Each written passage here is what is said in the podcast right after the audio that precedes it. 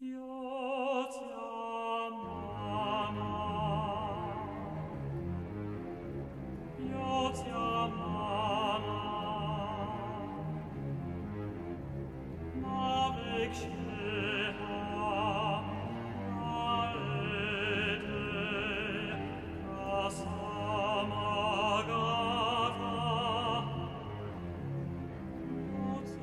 Jag heter Tilde Björfors och jag är regissör för den här föreställningen. Jag heter Magnus Lindman och jag är dramaturg på Folkoperan och jobbar också med Satyagraha. När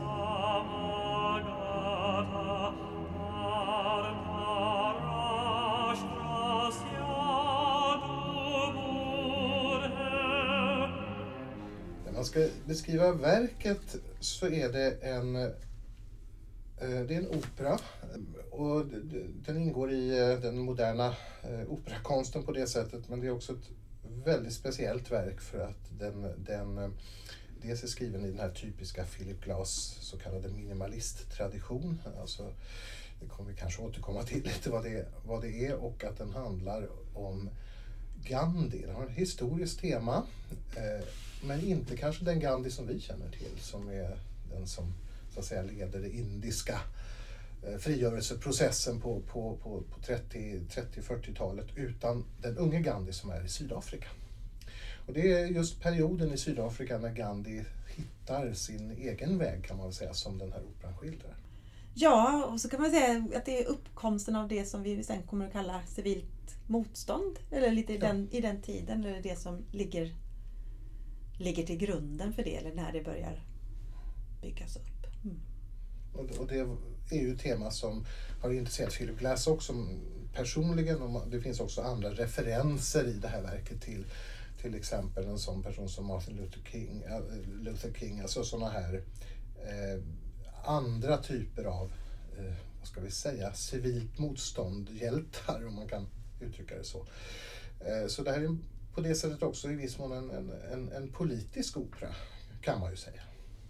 Ja, och inte minst när den görs nu känns det som. Och, och visar ju också på någonstans, för att man har facit sen för Gandhis fortsatta arbete, att det faktiskt bär eh, att välja andra vägar och att motståndet krävs, behövs. Att, att vi, vi måste våga tro på det. Just nu så känns det som att hoppfullt att få lov att jobba med den.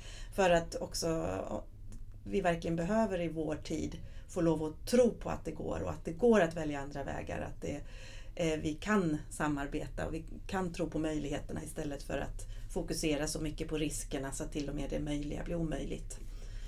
Eh.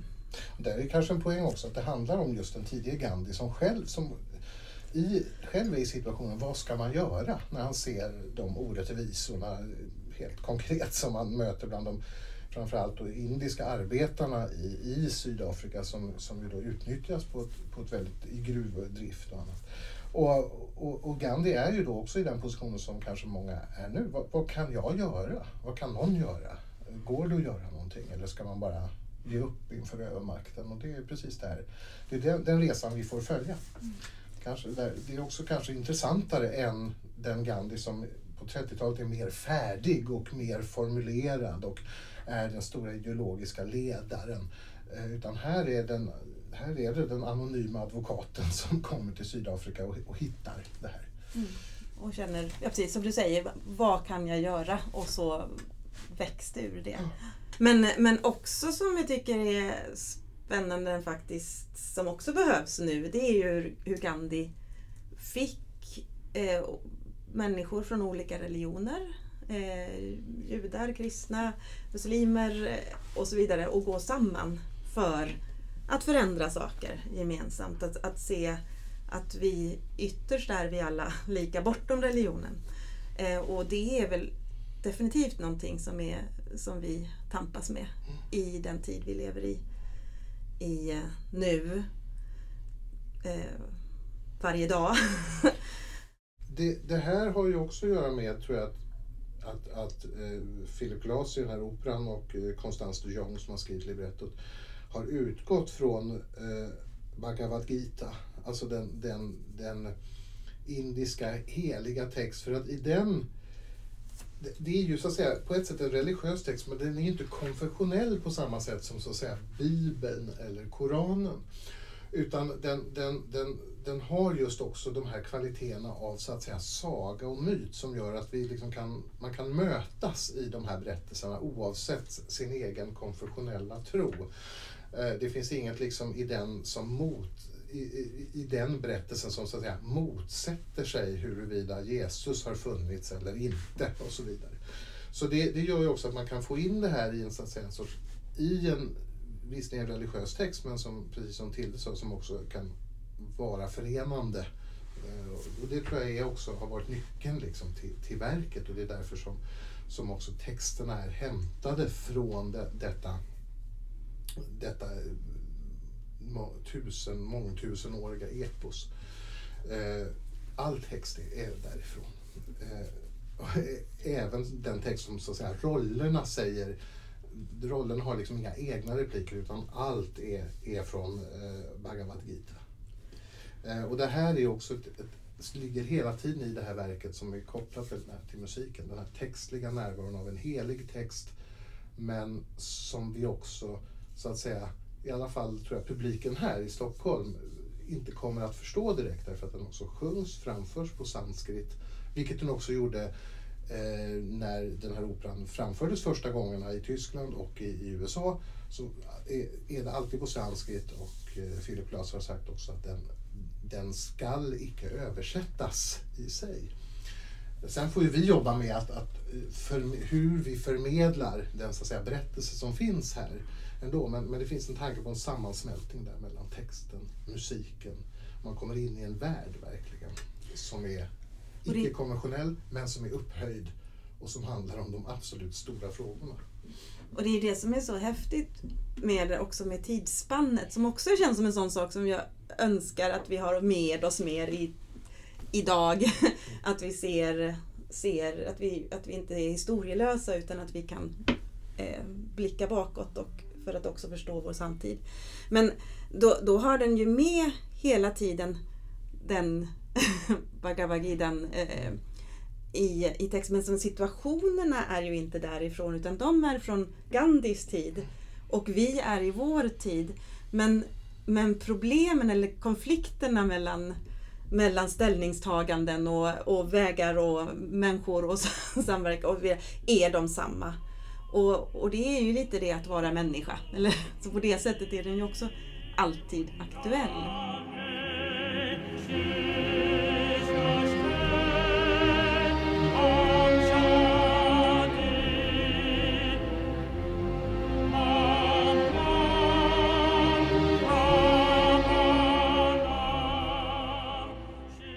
Cirkus och ny, nutida cirkus är ju alltid gränsöverskridande mellan eh, konstformer. Bara i grunden av cirkus är det att vi har olika discipliner som en lindansare och en akrobat och en jonglör. Det är egentligen som att blanda en folkdansare och en klassisk skolad ballerina och en streetdansare och att det är liksom grunden för dans, varje dansföreställning.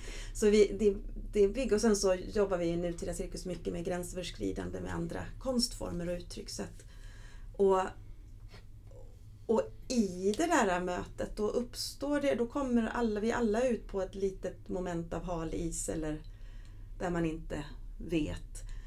Och för mig är ju det som att eh, där brännpunkten finns i skapandet också. All skapande handlar ju egentligen om att gå där man inte har gått. Och här får man lite extra skjuts i det. Och inte minst för att det här är ett verk som aldrig Folkoperan har gjort eller som inte har gjorts i Sverige mer än... Och, alltså det är så många... Hur, hur ska det gå? eh, men det kräver också att alla vi som gör det här kommer behöva ja, men, var, ta, vara på, ja, använda vårt yttersta för att, för att våga och gå och göra det och sträcka oss och tro på, våga hoppas och tro på att det ska gå.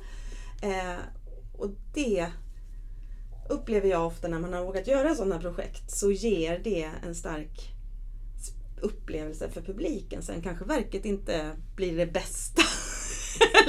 så, men, men bara att man har gjort den eh, ansträngningen ger en upplevelse som, som publiken kanske kan också ge till publiken att nu vill jag gå ut och våga göra det där. Mm. eller göra något, ta nya kryddor i maten eller säga jag älskar dig till den jag inte vågar. Eller vad det nu är.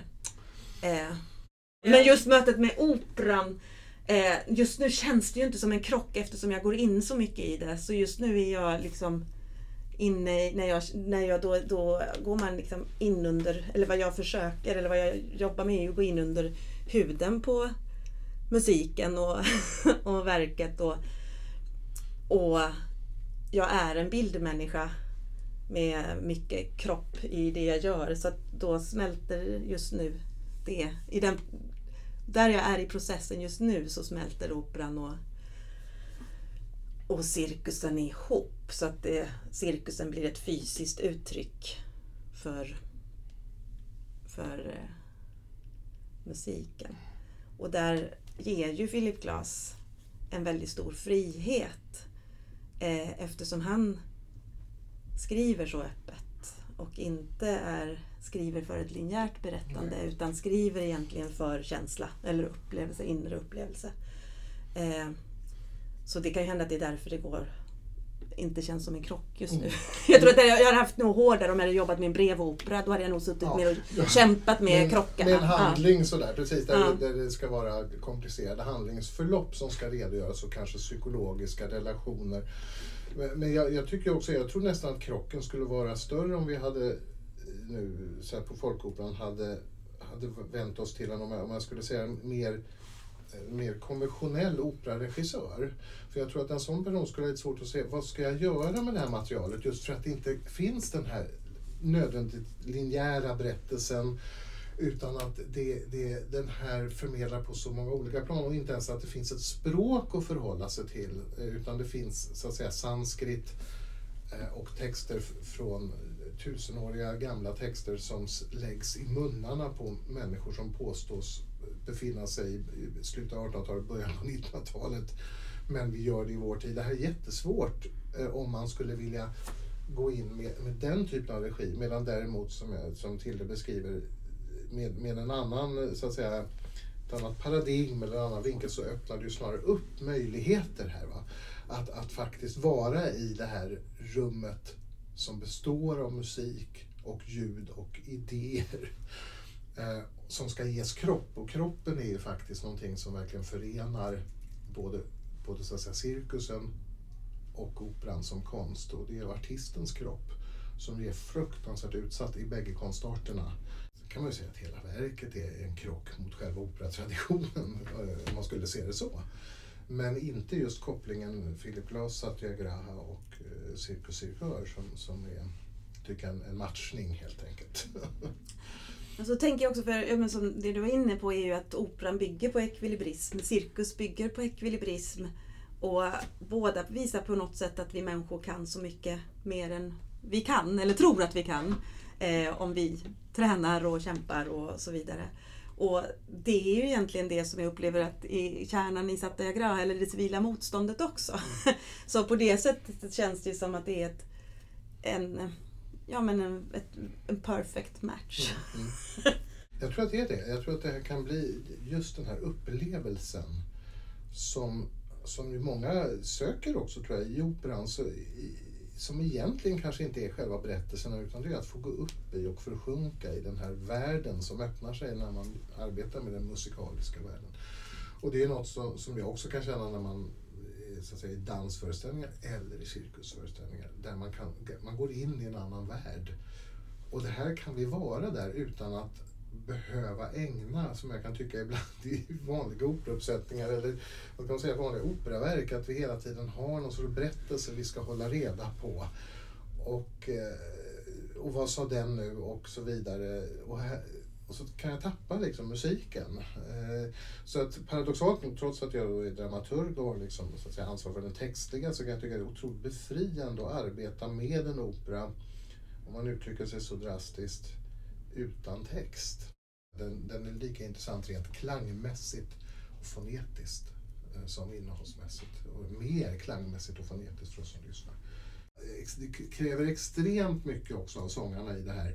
För de, de kommer att behöva jobba med ett språk som inte alls är deras. Där de måste, kommer att behöva så att säga, lära sig fonem för fonem i ofta snabba, rytmiskt komplicerade saker. Alltså det här, bara det kommer ju också vara ett möte med artistens trä, det här som, som du sa till dig, man måste träna och träna och träna och träna och till slut komma dit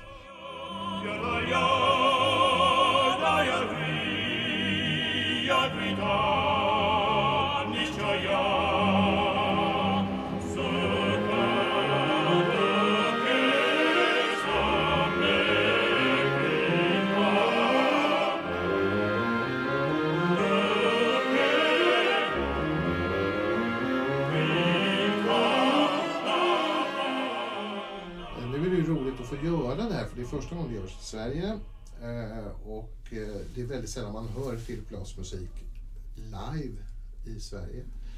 Och det, att få uppleva det bara tror jag är också en sån här, så, i en salong. Eh, ska också bli en mycket spännande erfarenhet tycker jag. Och det där tycker jag är så märkligt, att det, att det kommer sig, alltså att han spelar så lite i Sverige. Han är ju så stor ändå, mm. tänker man i ja, i vissa delar av USA och mm. Tyskland. Och Precis. Hur det kommer sig, det tycker jag är spännande. För ja. som icke från operavärlden så känner jag, ju, känner, känner jag ju att det här är lättillgängligt. eh, vilket jag då förstår att egentligen är det inte det. Men ja, det, det, det känns ju lättillgängligt för en sån som mig. Jag, jag tror mm. också att det kan ha, det, det kanske är en helt annan eh, podd som handlar om konspirationsteorier i svenska konstmusikvärlden. Men, men det, det, det här lättillgängliga är ju också ett litet problem då för att mm. Philip Glass har också haft samarbeten med människor som har rört sig mera åt så att säga popmusiken eller så. Eller Lou andra blandformer. Lou Laurie Anderson och David Bowie. Såna här. Vilket har gjort att, att då man kanske har, ja just i operasammanhang kan jag tänka mig att det har varit lite så här, är det här egentligen tillräckligt, um, håller det tillräcklig verkshöjd vad gäller så att säga, eller ska vi lägga pengarna på att beställa en opera av en riktig inom citationstecken tonsättare? Lite sådana har nog funnits ehm, i Sverige sådär. Många har hört, hört Phil Glass-musik utan att veta om det eftersom han också är en mycket eh, aktiv filmmusiktonsättare. Så, så det finns filmer där, där man har hört musiken och inte vetat att det var Philip Glass. Och det, ja. Många har nog upptäckt honom där också. Ja, där, precis. Det kan vara att man, mm. för det är ofta en, en väldigt suggestiv ton och den är också väldigt identifierbar i alla hans verk. Så att det, ja, det är inte svårt i alla fall. Nej men utmanande är det ju samtidigt, det, så det är det som är spännande. Det är utmanande, ja. det är utmanande att göra och det är mm. utmanande Och lyssna tror jag lyssna, på hela verket. Ja, ja. Att faktiskt göra det men det är också då som jag tror att någonting händer mm. med en. Mm.